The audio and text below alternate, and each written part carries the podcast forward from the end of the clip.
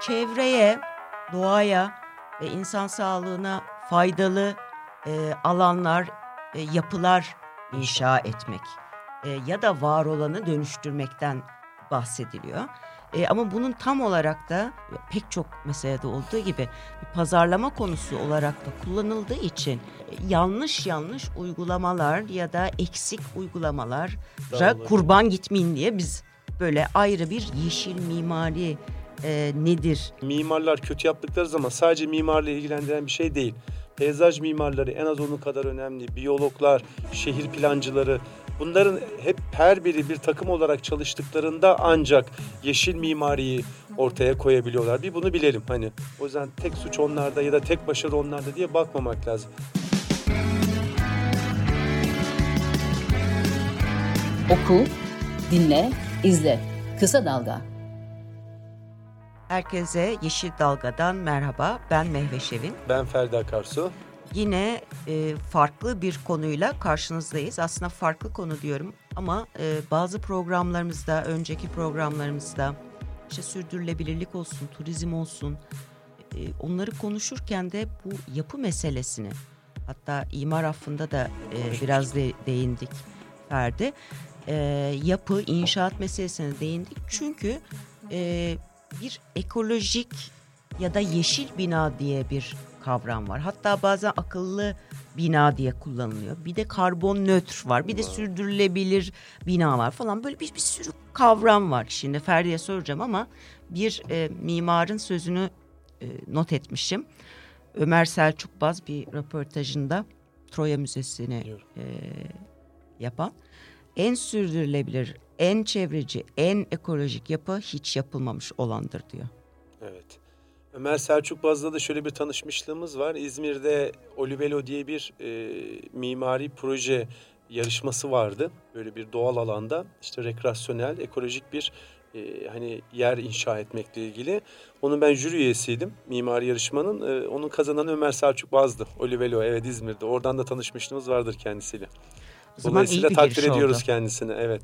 E, çünkü tabii e, mimarlar dinleyen mimarlar da olacaktır bu programı. E, tabii ki e, bazı şeyleri biliyorlar ve çok uygun şekilde uygulamak, yapmak isteyenler e, var. Fakat Türkiye şartlarında hep yani bırakın yeşil e, ve ekolojik yapıları e, doğru düzgün sağlam bir bina. Mimar olmak zor zanaat. Çok Hep çok. söylüyorum. Ee, arkadaşlar mi- mimar e, arkadaşlar işiniz gerçekten Zor. zor. Ee, onu biliyoruz ama en azından biz de burada e, ne ne yap ya da yeşil mimariden ne anlıyoruz? Bu işin bu kavramın çıkışı nedir diye başlayalım istiyorsan. Tamam. Yani şöyle bir durum var. Öncelikle şunu söyleyelim. Şimdi geldiğimiz dünyada eskiden şöyleydi. Belli uzmanlıklar vardı. Parça parça herkes o uzmanlığı konusunda ilerleyip bir yol alıyordu. Böyle bir hani medeniyeti yavaş yavaş diyeyim geliştiriyorduk. Şu anda artık bu iklim sürdürülebilirlik gündeminde şu fark edildi. Tek başına bir mimar ne kadar isterse etsin yeşil bir şey yapamıyor. Onun yanına mutlaka bir peyzaj mimarı gerekiyor. Onun yanına mutlaka bir şehir plancısı gerekiyor. Kastettiğim şu. Bir ekosistem, iş yapma ekosistemi dahilinde bir mimar yeşil bir şey ortaya koyacaksa yapabilir artık. O yüzden mimarların peyzaj işleri zor dememin nedeni o. Çünkü eski gelenek şöyle. Ben mimarım, ben peyzaj mimarıyım, ben şehir plancısıyım.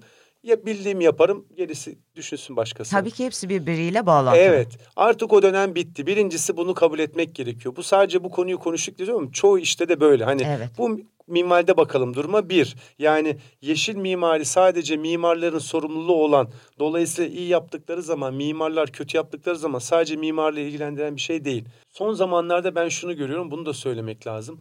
Biz insan oğlu olarak elbette kendimizde övünmeyi seviyoruz. Dünyaya bir doğaya bir savaş açtık ve hani bak nasıl galip geldik işte Zaten yayıldık. doğaya savaş açtık deyince ben gözlerimi Öyle ama öyle burada. bakılıyor. Evet mühendisler büyük oranda hani özellikle belli falan. Yani doğa yendik. savaşılacak bir, bir şey evet. Ama bu afet zaten yeden falan bir şey yapan. yani hani. artık 20. yüzyılda kalmış bir kavram diye ümit ediyoruz ama öyle değil. Evet. Yani öyle ama şimdi niye söylüyorum biliyor Ha. musun bunu? Hani e, mimariye mimarlara laf etmek için de en büyük dertlerinden biri susuzlaştırmadır mesela.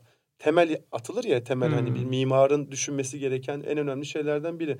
Onu yaptığı zaman zemini sudan arınması gerekiyor. En büyük dertlerden biri. Bunu kimi zaman fore kazıkta, kimi zaman başka uygulamalarla düşünüp onlar tasarlar. O biz şimdi görürüz tatlı tatlı o haditlerin mimarisi ama onun altında başka bir şey var. Başka bir bilim var. Çok zor iş yapıyorlar. Dolayısıyla aslında Düşünsene yeraltı suyu yok olmasın diye yok oluyoruz ama bir bina yapmak için yeraltı suyunu en azından temelinde yok etmeye gerekiyor yapmak. Bu da bir savaş bir ölçüde. İşte hmm. ama bu savaşta kazananın tek olmamasıyla alakalı bir durum sürdürülebilirlik yeşil mimari. Hmm. Kastettiğimiz bu. Çok böyle ince nüanslarda bunu da bilmek gerekiyor. Bir savaş olarak görülmemesi gerekiyor. Mimarların, peyzaj mimarlarının, biyologların her şeyin. Hani bu bir hmm. düstur olmalı. Hmm.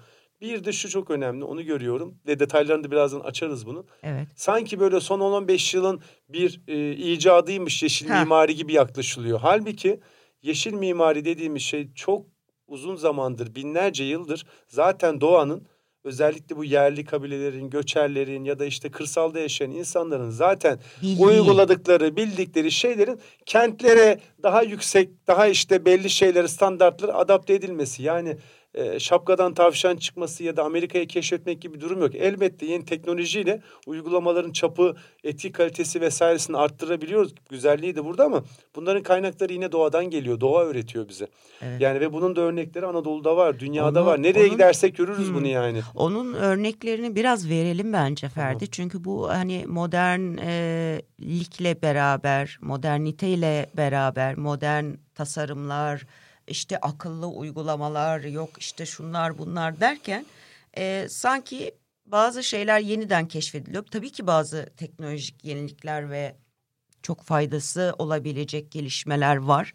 Bunlar kısmen uygulanıyor ama e, senin mesela demin dediğin şey mesela Anadolu'da e, kerpiç ev aşağılanırdı. Hala aşağılanıyor. Elazığ depreminden sonra olanları hatırlamıyor musun? Ha hatırla. Daha yeni yani. Tabii. Böyle tukaka ediliyor falan. Tabii. Işte, Aa, işte oralar... falan ha. filan.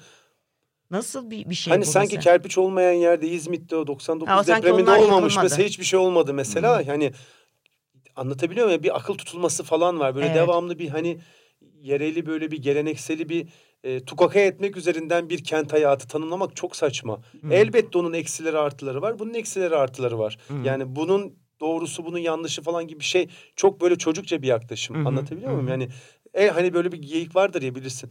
E, batının güzelliklerini alalım falan. Evet.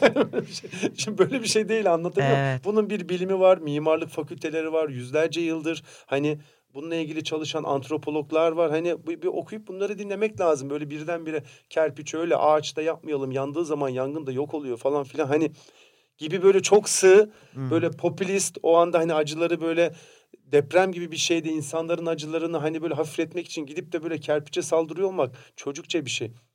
Sen mesela ne yaptın orada devlet olarak? Anlatabiliyor muyum yani? Ne Tabii. mesela niye eksikti orada? Hani mesela o kerpiç mimarinin de ben bildiğim için söyleyebilirim. Ben de Samsun'daki mesela taş bir evde büyüdüm öyle söyleyeyim sana. Hani o geleneksel mimarinin evet. işte hani ekolojik mimarinin ne olduğunu biliyorum yani. Onun da bakıma ihtiyacı var. Bu demek değil yani bir kerpiç yaptın 200 yıl boyunca öyle duracak değil. Onu hep sıvarsın, kireçlersin. Onun içinde belli yerlerde ağaçlar vardır. O çürüdüğü zaman değiştirmen lazım. Hani ama sen yoksulsan bunu yapamıyorsan deprem olunca kerpici de yıkar. Tabii. Yani yapacak bir şey yok. Tabii. Anlatabiliyor muyum? Hani kerpiç depreme bilmem sonsuza kadar koru diye bir bilgi de yok zaten. Evet. Ama bu şu da demek değil. Kerpiç işte Elazığ depreminde e, ölümlerin bir numaralı nedeni. Oranlar beton olsaydı olmayacaktı. Ne demek olmayacaktı? Affedersin ama yani. Beton hani kaç tane giden de nere? Tabii. 2019. Ha, ne oldu? Beton işte benim mahallem Mansuroğlu ben orada oturuyordum en evet. başında mesela. Evet. Ölümde yıkıldı yani. Bayağı da beton oldu betondu yani. beton oldu yani beton. anlatabiliyor muyum? Hani bunlar mesela üzücü. Ha. Yani insanların o andaki hassas deprem olmuş, kayıplar olmuş hani hiç kimsenin istemediği şeyleri sorumluluğu üzerinden atıp devlet olarak işte otoriteler olarak diyelim Hı-hı. genel olarak yani Hı-hı. her ülkede böyle şeyler yapılıyor geçmiş ülkelerde. Mimariye atmak falan. Bu alakası bir yok. şey var mı? Peki şey diyelim mi buradan e, bir kere güzel bir giriş yaptık. E, şimdi ekolojik yapı, yeşil mimari, sürdürülebilir, karbon nötr deyince e, yani bunların hepsini aynı çatı altında toplamak mümkün değil mi? Ee, yani ya da na, yani ya da kriterler nedir? İyi gerçekten bu anlamda sürdürülebilir iklimle e, doğayla uyumlu insan hayatına ve çevreye saygılı bir e, binanın yapının özellikleri, aranan kriterleri nedir diye Tamam. girelim.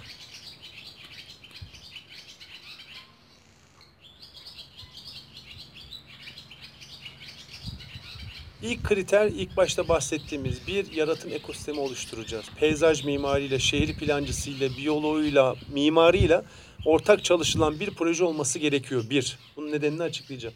Çünkü bir binanın sadece tek başına bina olarak değerlendiremiyoruz. Onun bir otoparkı var, bahçesi var, peyzaj alanları var. Ha, Anlatayım? Bunların Sen kalkıp mesela çim ekersen mesela e, çok ekolojik bir bina yaptım ama geçmiş çim olsun. Ektiğin anda Geçmiş olsun, zaten geçmiş, olsun. Hele ki bizim ülkemiz gibi ülkelerde. Bak yağmur yok işte İstanbul'dayız yani. Hani Tabii. mesela. Şu açıdan e, dinleyicilere söyleyelim.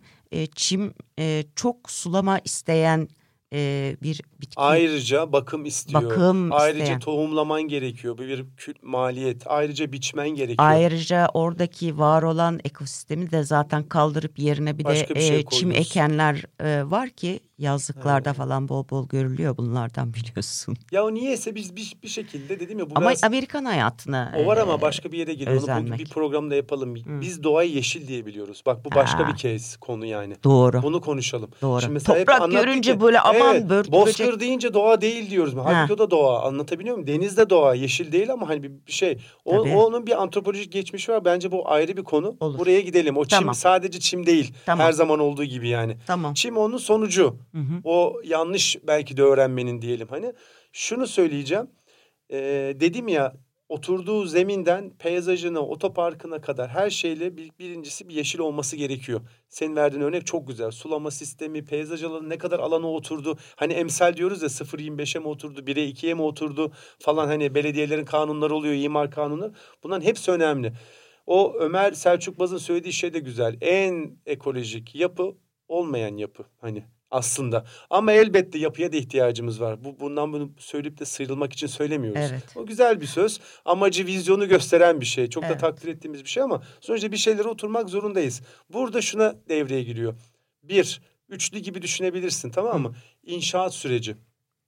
Şimdi inşaat sürecinde bir yapının, mimarinin temelinden tamam mı? Kaba inşaatını, sıvasına, ayağa kalkmasına kadar ki bütün süreçte olabildiğince ekolojik ve organik hani bir ölçüde öyle kullanılıyor.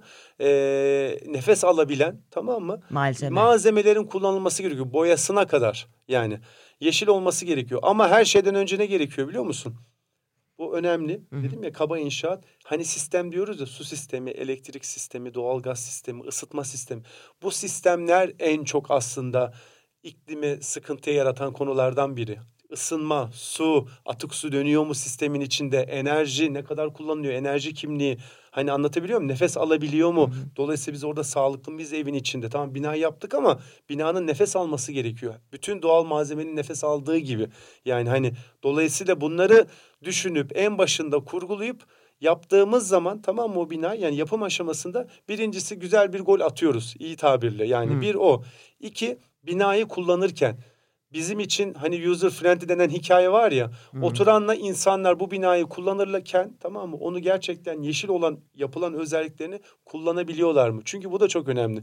Bir şeyi yapıyorsun bir makineyi Ama kullanmayı mi? bilmeyince bir işe yaramıyor. Anlatabiliyor muyum? Hani dolayısıyla bu da bir manuel, bu da bir eğitim, öğretim aslında. Sadece mimarın sorumluluğu değil artık. Mimar yapmış sana vermiş müteahhitle beraber. Ben onu vatandaş olarak gerçekten kullanabiliyor muyum? İki. Üç. Velev ki bir bina ömrünü doldurdu canımın içi. Hı. Tamam mı? Bu ne oluyor bizde genelde? Molozdur, odur budur. Bak şimdi moloz bir binadan çıkıyorsa adı moloz olan bir şey yeşil olamaz. O binayı ben yıktığım zaman tamam mı? Yıktığım şeyleri bir şekilde bir yerlerde yeniden kullandırılacak şekilde tasarlamam lazım. Ben eğer benim yaptığım bir ben diyelim ki mimarım bir bina yaptım yeşil diyorum. O binada 30 sene sonra ömrünü tamamladı. Hem hepimizin var ya.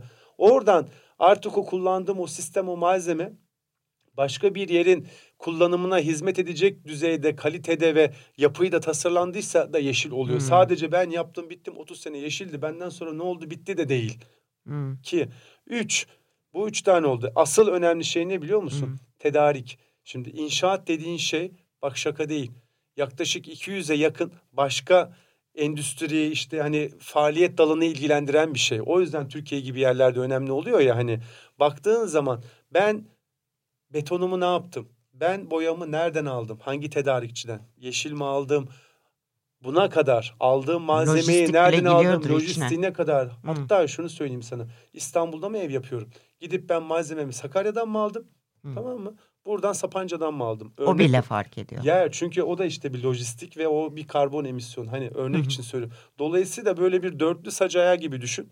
Bunun dördüne birden bakmak gerekiyor. Sadece şu olmuyor. Benim bir tane binam var diyelim Şişli'de dört katlı. Hop çağırdım Lidin, Bram'ın falan uzmanlarını. Hadi gelin bunu bir şey sertifikalandıralım. Bakıyorlar işte sana şunu yapalım Ferdi. Suyu böyle döndürelim falan filan. Yine o iradeyi göstermen bak kıymetli, önemli. Ama tek başına o da yeterli olmuyor. Onu söylüyorum. Niye tek başına yeterli olmuyor da şu- şuradan geliyor. İşte hani senin yaptığın bir güzel bu tür şey örnek olur mahallene falan. Bunlar önemli şeyler. Kimse buna kötü diyemez. Küçük de olsa yeşildir hani. Hı hı. Onu bir şey yok. Ama bu tür şeylerin artık devlet politikasıyla, imar kanunlarıyla, belediyenin uygulamalarıyla desteklenmesi lazım ki kitlesel hale gelsin. Tek başına Ferdi'nin vizyonuna işte anlatabiliyor muyum? Hani Evet. ba- başkasının Mehmet'in işte güzel kalbine falan bırakılacak konular değil artık Değil bunlar. tabii. Onlar zaten oluyor. Var yani. iyisi de var toplumda, memlekette, kötüsü de var örneğin. Bunun yapılması gerekiyor. O yüzden koskoca büyük bir konsept. Belki bir binayı görüyoruz biz orada ama o binanın arkasında koskoca bir ekosistem var anlattığım gibi. Evet. Bir de şöyle e, notlar almışım. Mesela uluslararası yani bütün dünyada üretilen enerjinin yüzde ellisi, suyun yüzde 42'si bina yapımı ve kullanım alanlarında. Tabii. Çok Gidiyor. gidiyor. E, bu arada işte bu sera gazı emisyonlarının yüzde ellisi yine hava kirliliğinin yüzde 42'si de e, bu bina yapım ve kullanımlardan kaynaklanıyor Aynen. küresel olarak. Tabii. E, böyle bir Var. notlar. Doğru yani Doğru sana. Elbette rakamlar. yıldan yere göre artıyor, azalıyor Tabii bu falan. bir ortalama Aynen. ama yani yani yarı yarıya aslında bugün bütün bu iklim krizi e, bu işte her alanda yaşanan insani, sosyal, işte doğal yıkım, ekonomik yıkım bilmem ne yüz, yüzde ellisi Burada. bu inşaat Tabii. hikayesinde arkadaşlar. Bakmak Onu- lazım. onu görmek söylemek lazım istedim. Farkı. Tabii. O yüzden çok kıymetli hep söylüyoruz. O yüzden de çok büyük bir siyasi malzeme. Bak Evet, değil. evet. Ülkelerin bile kendi aralarında kullandığı bir politik jargon artık bu. Doğru. Düşünsene bir karbon borsası var. Ülkelerin taahhüt ettiği şeyler var. Ben şunu yapacağım 2030'da 2050'de deyip söz veriyor. Ona göre yatırımlarını planlıyor, planlamıyor. Buna göre senin gelişmişliğin işte gayri safi milli hasılan falan hani bir apartman bak nerelere gidiyor. Evet. Aslında geldiği yere de bakmak lazım biliyor musun burada? Bak onu da atlamayalım bu konuyu söyleyelim. Hani sen aslında Evet. konuyu açmıştın. Hani dedim ya insan çok mu böyle zeki falan biz He. buluyoruz yeşil mimari falan filan. Ne var biliyor musun? Bak hep kerpiçe de girdik konuda. Bunun bütün kökeni sevsek de sevmesek de düşman da bellesek geçmiş olsun doğa.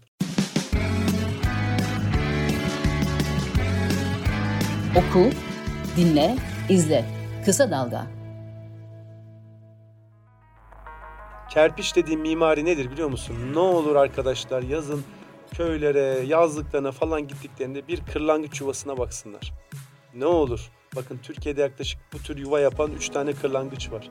Biri kızıl kırlangıç, biri kır kırlangıcı, biri ev kırlangıcı. Üçünün de yuvası nasıl oluyor biliyor musun? Yerden toprağı alıyor. Ağzındaki o amilaz benzeri, bizdeki amilazdır. Onlarda da biraz daha farklı. Şimdi detayına girmeyeyim bir harç yapıyor. Hani ne harcıydı o? Ünlü bir Osmanlı'nın bulduğu bir beton bir harç var ya bizim ünlü. Ayasofya'da falan da kullanmış. Adını unuttum şimdi. Yumurta falan kırılıyor içine bir şeyler Ha bir şeyler. evet tabii. Gibi yani hani Evet. kuş ne yapıyor biliyor musun? A, toprağı alıyor. Kendi tükürüğünü bir saman gibi bir şeyle alıyor. Karıştırıyor çamuru. Onu bir harç yapıyor. Gidiyor duvara kırlangıç yuvasını yapıyor. Sen sanıyor musun ki o Anadolu'daki, dünyanın bir yerindeki, Orta Asya'daki kerpiç mimari insan kendi kendine buldu?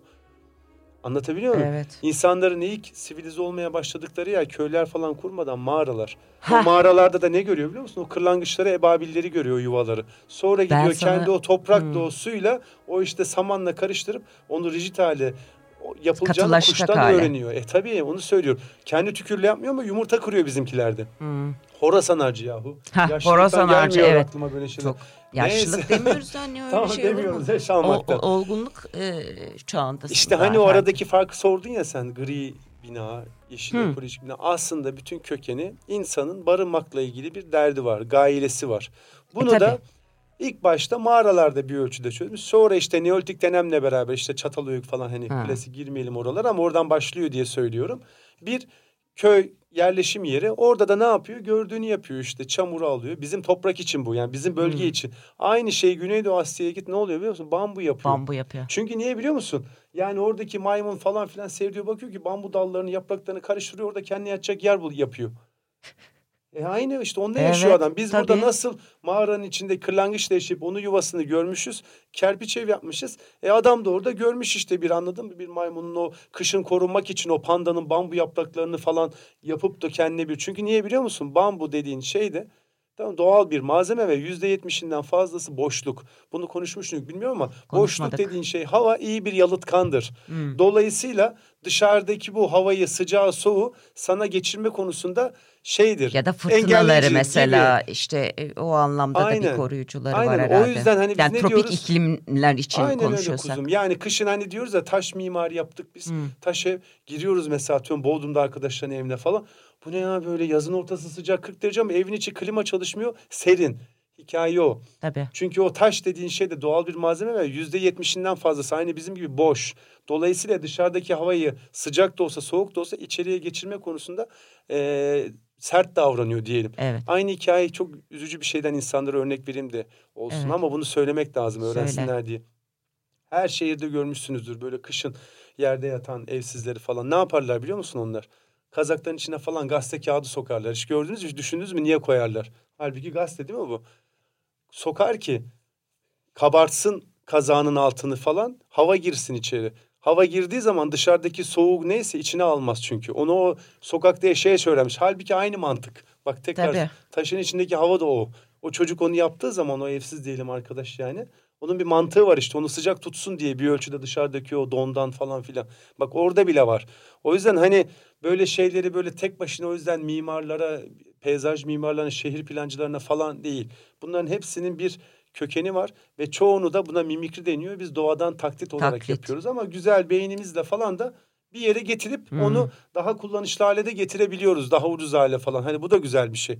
Kerpiç hazırlarken taneleri birbirine bağlayacak oranda kil içeren kumlu toprak saman gibi katkılar eklenerek su ile karıştırılıp bir harç hazırlanır. ekolojik mimariyi sadece taş ev ya da ağaç Heh. ev gibi biliyorlar.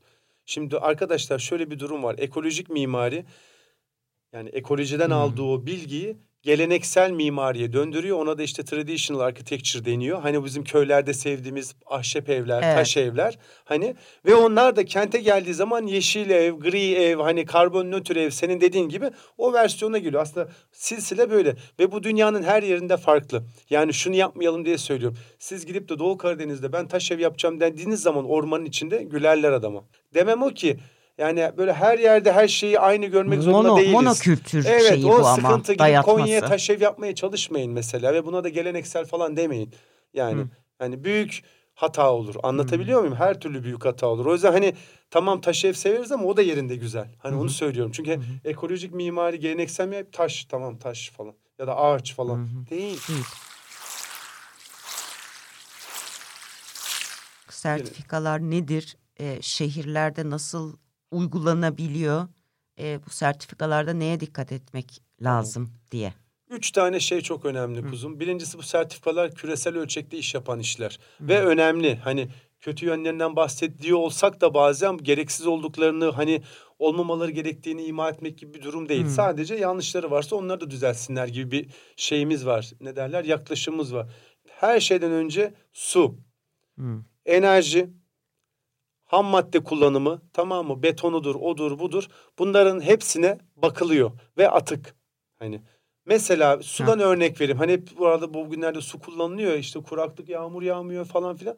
Döngüsel bir kapalı devre su sistemi kurmanız gerekiyor. İdeali bu. Hı. Yani ben 10. kattaki binamda diyelim ki duş aldım, onu yaptım. Benim gibi bütün bina Gri su dediğin Gri hikaye su mi bu? uygulamaları aynen öyle. O suyun apartman içinde tamam mı bir şekilde temizlenip belki o benim duş suyumu tekrar içme suyu olarak kullanmıyorum ama yeniden klozette kullanılabilir bir halde kullanabilirim. Sonuçta duşta kullandığım suyu klozetin gideri için kullanmamda hiçbir sakınca yok. Evet. Bunlara uygulama deniyor. Bunu içme suyu için bile yapabilirsin. İçme suyu ayrı bir yere gidiyor. Belli bir filtrasyon operasyondan geçiyor ki zaten belediyeler de bunu yapıyor. Kent bazında yani klor atıyor, işte çökertiyor vesaire. Bunu apartman düzeyinde de yapabiliyorsun. Dolayısıyla şu oluyor. Apartmana günde 100 kilo su girdiği zaman o 100 kilosu elbette belli oranda buharlaşma kayıp olur. Ama günün sonunda kapalı devre bir sistem yaratman gerekiyor. Bu suda belli uygulamalarla hepsinin var. Burada soru. Bir Sor. saniye. Bir saniye. Geldim. Çok heyecanlandım. Türkiye'de var mı böyle bir şey? Yok. Tam anlamıyla böyle bütün bir döngüseli yapabilen Hiç duymadım çünkü. ama güzel uygulamalar yap. Mesela perlatör kullanıyor. Mesela çıkan Perlatör suyu ya? yani bu musluklarda Ha. ucunda böyle parmağını sokunca içine Evet. girmez. Onun ucundaki o tırtıklı şeyin Evet, adı perlatör. O ne yapar biliyor musun? Psikolojik bir şey. Suyu açtığın zaman böyle içine hava verir o. Biz sanırız ki tamam mı birim bazında böyle sanki dolu dolu su geliyor. Halbuki onun yarısı havadır. Hmm. Şu avantajı sen parlatör takmadığın Anladım. zaman bir açtığında 25 litre geleceğine aslında 50 litre geliyor o zaman. Halbuki parlatör takınca 25 litre giriyor 50 litre gibi hissediyorsun geleni. Anladım. Gürül gürül Gürül akıyor gürül su. geliyor gibi ama aslında onun yarısı o yüzden önemlidir. Mesela bunu yapıyor. Mesela bazıları işte belli suları, duş suyunu falanı filanı peyzajda kullanacak sistemi yapıyor. Bazıları mesela yağmur suyunu toplamaya yönelik belli depolar yapıyor. Ama münferit güzel de şeyler. Ama idealini ben söyledim. İdeali döngüsel bir şey. Yağmuru toplayan, o topladığı suyu belki içmeye, belki peyzaja kullanan, kullandığı suyu döndürüp bir şekilde daha kullanan. Bu bunun ideali olması gereken. Bunu Çünkü yine su yok. Avrupa'da herhalde. Var gerçek- örnekleri, ama örnekleri. Avrupa'da bile hep münferit örnekler. Koskoca kentlerde Anladım. yani bunun bir istatistiği bile yok. Öyle söyleyeyim sana. Anladım. Yüzde bir diyecek bir durumda bile değiliz. Ama işler buraya gidecek. Mecburen gidecek. Mecbur işte görüyorsun. Tabii durumu. Al yani al bu, bu yaz bak göreceğiz yani hep beraber. Tabii. yaşayacağız. Yani bu herhalde yine bir rekor kıran bir kış olacak. Tabii, aynen. Küresel sıcaklıklar ve kuraklık anlamında. Araya girdim ama hani bu bu örneklerle kısmı açmak- bu. Su kısmı bu. Ee, Enerji. enerji Yani kısmına hep gelelim. konuşuluyor. Enerji kısmında da kuzum çok basit aslında. Enerjisini bir yerden almak yerine kendi üreten, ürettiğini de olabildiğince az kullanan, kullandığını da ola- olabildiğince az tasarruflu ve tekrar sisteme döndürebilen kapalı devre enerji sistemleri. Bak ne Hmm. dedik? Bir, kendi üretecek. Bak idealini söylüyorum tekrardan. Hı hı, hani hı mı? Bunun başka yerleri de var. Hani bu en yeşiline yakın. Bunun daha daha az olanlarını da söyleyeceğim. Bir kendi üretecek. Bunu genelde artık bunun Türkiye'de bile yönetmeliği çıktı. Lisanssız çatılarda orada burada bahçede falan filan elektrik üretebiliyoruz biz şirketimiz olmadan falan. Bayağı sisteme de verebiliyoruz. Bunu site gibi yerlerde artık yapmak ilk başına tasarlandığı zaman çok avantajlı oluyor. Hatta buna pozitif enerji destination falan deniyor. Avrupa Birliği'nde yeri var. PED diye. Arkadaşlar aratırlarsa Türkiye'de de bir iki uygulamasının olduğunu ben biliyorum. İzmir'de bir tane projeyi getirmeye çalıştık olmadı ama Nilüfer'de mesela Bursa'da bir tanesi işliyor. Biliyorum. Pozitif enerji destination. O da ne? Kendi enerjisini üreten hatta fazla olduğu zaman da çevresine enerji veren alanlar. Destination dediğimiz şey de hani o site, mahalle falan gibi düşünebilirsiniz. İngilizceden geliyor ama dolayısıyla uygulamalar Avrupa'da da desteklenmeye çalışılıyor var ama hikaye bu olmalı. Enerjiyi kendi üretecek, yeşil yollarla, güneştir vesairedir yapacak. Olabildiğince az tüketmeye yönelik olarak mimari tasarım yapılacak. Tükettiğini olabildiğince verimli aletlerle atıyorum hani enerji verimli televizyonla vesaire hani örnek için söylüyorum. yapacak tamam mı? Bu sistemi kurduğun zaman da aslında zaten e, enerji etkin de bir apartman oluyorsun. Ama Hı. mantık ne diyoruz? Kendi az ve dönecek yani Tabii. sistemin içinde. Burada hemen e, sen bir nefes al. Ben Aldım. de kılçığımı atayım. Tamam. Klasik. E, şimdi tabii ki böyle şeyler için e, belki küçük bireysel anlamda e, bir evin çatısına bir panel koymak o kadar büyük bir masraf olmayabilir ama e, daha böyle işte site gibi bir alanda, şehir gibi bir alanda bu dönüşümü yapmak için tabii ki bir e, yatırım gerekiyor. Şimdi insanlarımız gerekiyor. Tabii. Ee, insanlarımız bir kere e, genel anlamda insanlık diyelim. Yani böyle şeylerde abi tekrar para mı vereceğiz? Zaten işte doğalgaza zor para yetiştiriyoruz. Hani kardeşim bak hani bu işin şeyi sana e, fayda olarak dönüşü şu kadar sene sürecek. Atıyorum üç sene sü- sürecek Amortisi. deseniz bile e, insanlar genellikle hani aidatı vermek, işte evde oturmak, kalorifer açmak, suyu açmaktan ibaret bir dünyada yaşıyorlar. Bütün onun ötesindeki şeyler ancak e, bir kanun, kural, bir uygulama olursa gerçekleşiyor. O zaman mecburen tıpkı o e, kentsel dönüşüm hikayesi gibi bence kentsel dönüşümü de ayrıca konuşuruz. Kentsel dönüşümde de ne var? Ne var? Depreme dayanıklı bina. Tamam. Burada Sen iyisin ben ona rantsal diyorum genelde. Yani ama işte yani yine yine iyiliğin o bahaneyle Yani. o bahaneyle yapılıyor. Evet, e, kentsel e, dönüşüm o o bahaneyle gidiyor. Ama aslında olması gerekeni Evet. anlatmaya tarif ediyorsun. çalışıyoruz. Tabii tabii. Yani şöyle bir durum var yani onu söyleyeyim. Dediğin çok doğru. Ee, ama insanlar aslında burada e, okey de diyorlar. Örneklerini de biliyoruz. Hı. Bu o kadar bir şey ki şimdi diyelim ki ben müteahhitim değil mi? Zaten inanılmaz bir orada rant var ve getiri var. O yüzden müteahhit dediğin şey Türkiye'de falan. Dolayısıyla devlet Herkes ya da müteahhit ya. belediyeler Aynen öyle. Sen müteahhitim diye dolaşabilirsin istiyorsan Bayağı yani. kartvizit yani. Neyse o da var. Ee, şuna şuna getireceğim olayı. Ben zaten ona öyle büyük bir servet transferi yapıyorum ki devlet en azından ben bu rantı bunlara sağlıyorum. Rantının yüzde beşini de böyle bir şey yapsın bari dediği zaman müteahhit de yok demez. Amenna yani 100 milyar değil de 95 milyar kadın 5 milyon da Emin değilim. İnan bana der. Der yani çünkü çok büyük bir yağlı kemik var orada birilerinin Hmm. tuttuğu. Anlatabiliyor muyum? Örnekleri de var. Ve vatandaşın da bu hoşuna gider. Günün sonunda daha az elektrik parası vereceğim, daha az su parası vereceğim, daha az ısınmak için doğalgaz kullanacağım bir şeyde Deyince, niye bunu yok diyeyim. tabii. Zaten küçük küçük uygulamaları da başladı iki yerde. Birincisi mesela ben şu anda bankaya hani bu aralar çok moda ya e, faizler düştü 0.69 falan filan.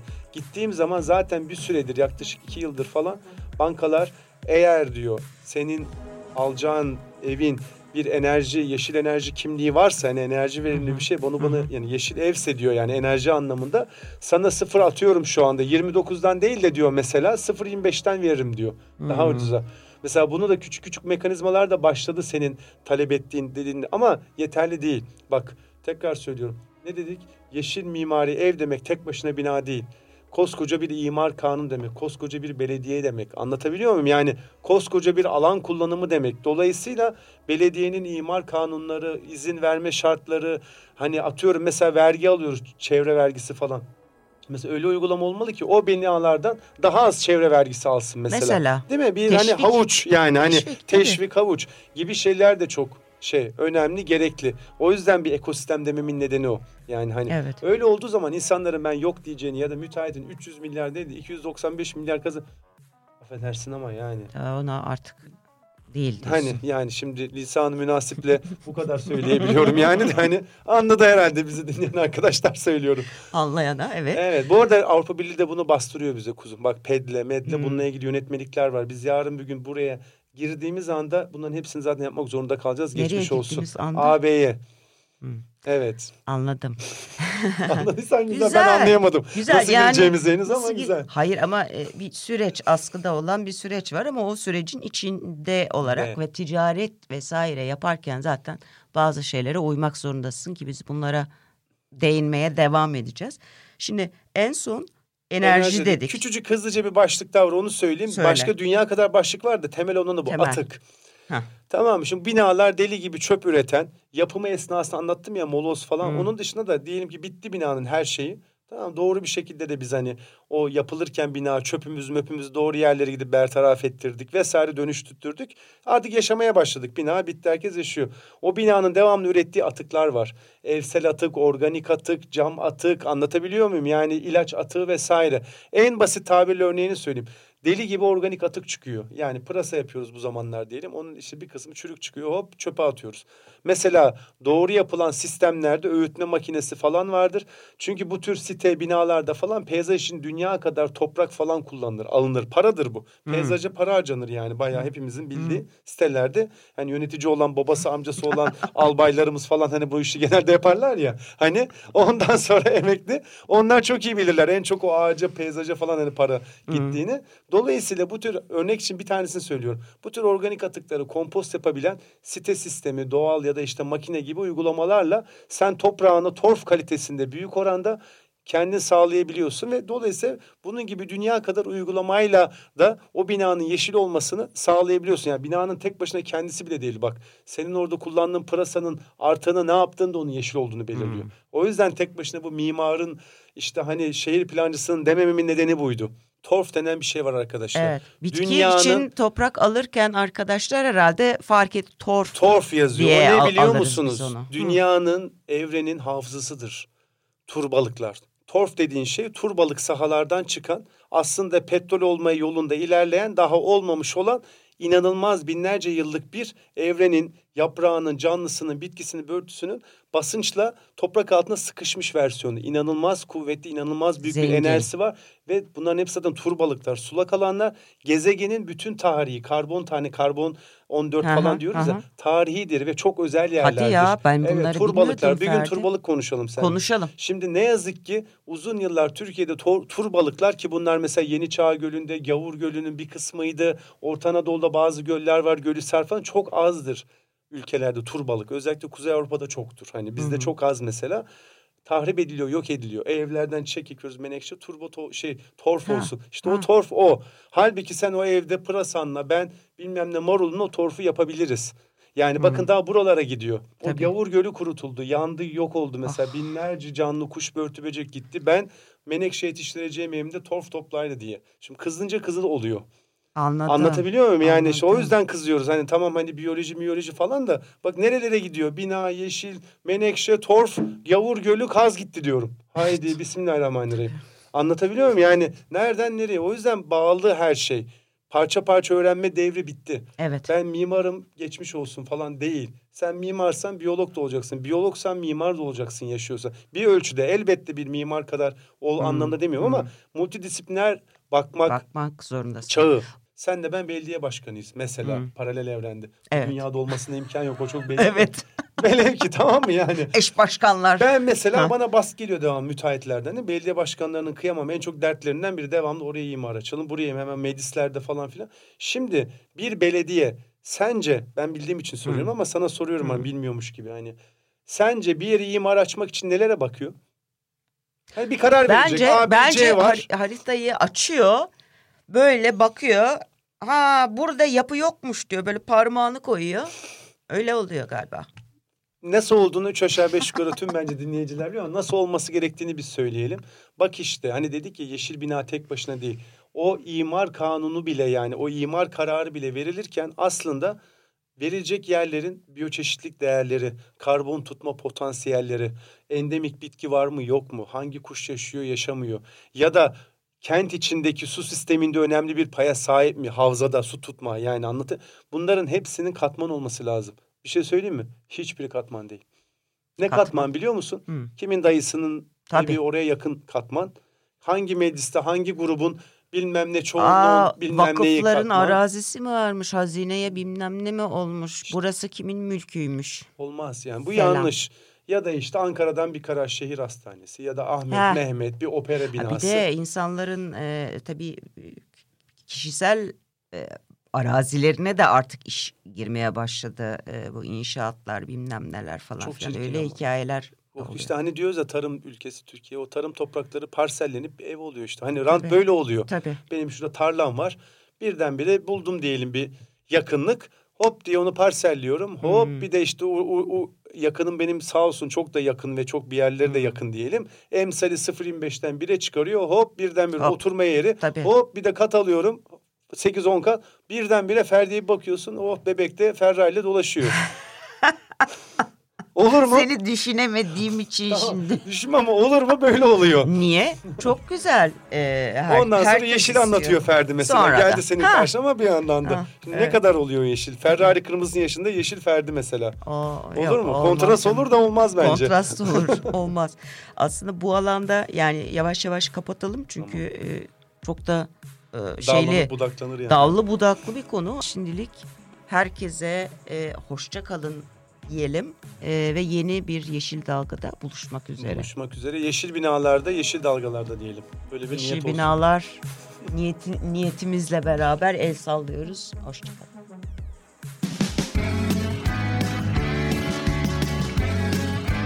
Oku, dinle, izle. Kısa Dalga.